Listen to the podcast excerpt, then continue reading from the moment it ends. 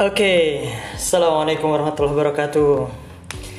Setelah dua hari yang lalu saya mengupload uh, di podcast saya tentang apa itu public speaking, di episode kedua kali ini saya Coach Tedian dari Transforma Coach akan membahas lanjutan pembahasan tentang public speaking. Uh, dalam beberapa episode ke depan kita akan membahas banyak hal tentang public speaking. Oke teman-teman, langsung saja.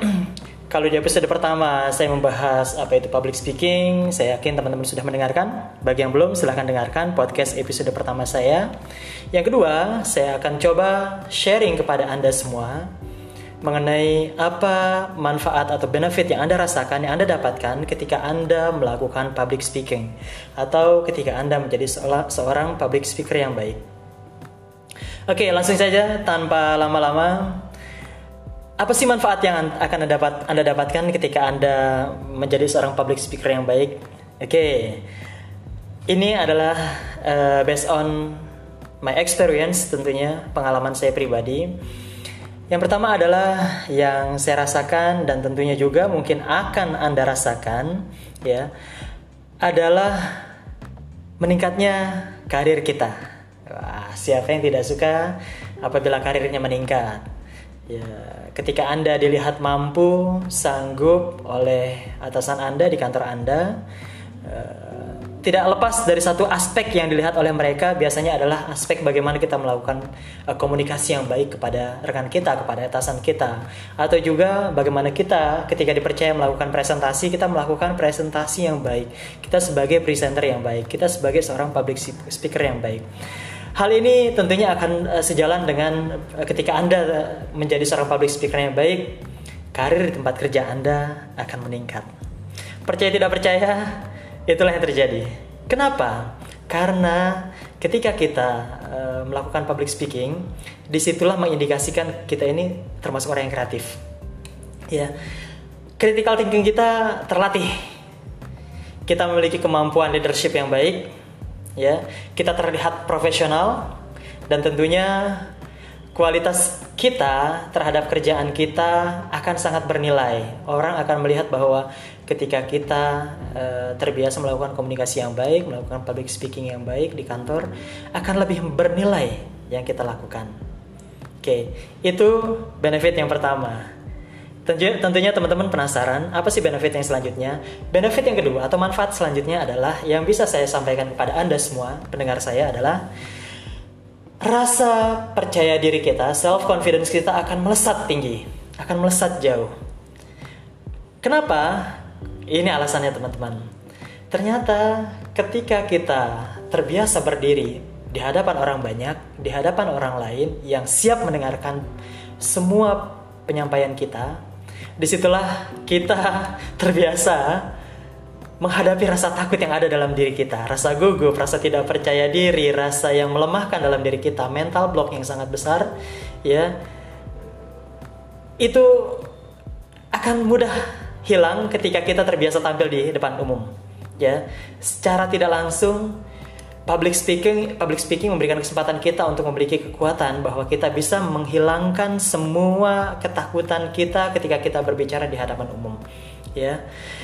Apalagi ketika Anda sudah terbiasa mulai berbicara dan audiens terlihat sangat menikmati sangat enjoy pembicaraan Anda terjadi hubungan yang baik antara Anda sebagai speaker dengan dan audiens Anda maka di situlah kita merasa bahwa rasa percaya diri kita akan meningkat Oke. Okay? Kalau Anda terbiasa berbicara di hadapan dua orang, tiga orang, lambat laun, lama kelamaan Anda akan coba mampu terbiasa berbicara di hadapan puluhan orang, bahkan ratusan orang. Ya, pengalaman saya, saya, saya pernah menghadapi sebuah uh, kondisi di mana saya harus berbicara di hadapan kurang lebih sekitar ya 400 sampai 500 orang itu pernah saya lakukan. Ya, dan itu menambah rasa percaya diri saya bahwa kita oh ternyata kita bisa kok menghalang me, me, menghilangkan rasa takut kita menghilangkan rasa tidak percaya diri kita. Oke okay. itu benefit yang kedua teman-teman. Benefit yang ketiga adalah kita terbiasa uh, melatih critical thinking kita. Bagaimana kita berpikir analitis ya. Bagaimana uh, public speaking bisa membentuk kita melatih kita untuk terbiasa berpikir analitis. Kenapa?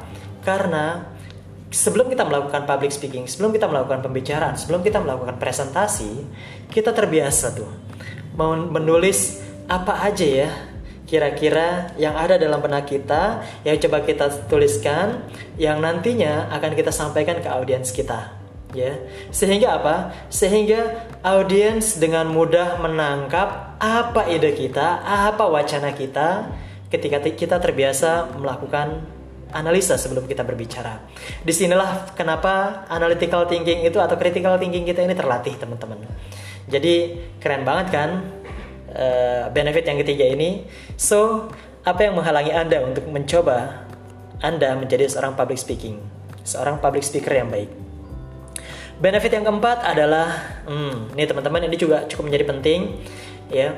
Ternyata secara diri kita, secara personal, maka self confidence kita selain bertambah, kita juga uh, brand kita bertambah atau personal development kita semakin meningkat.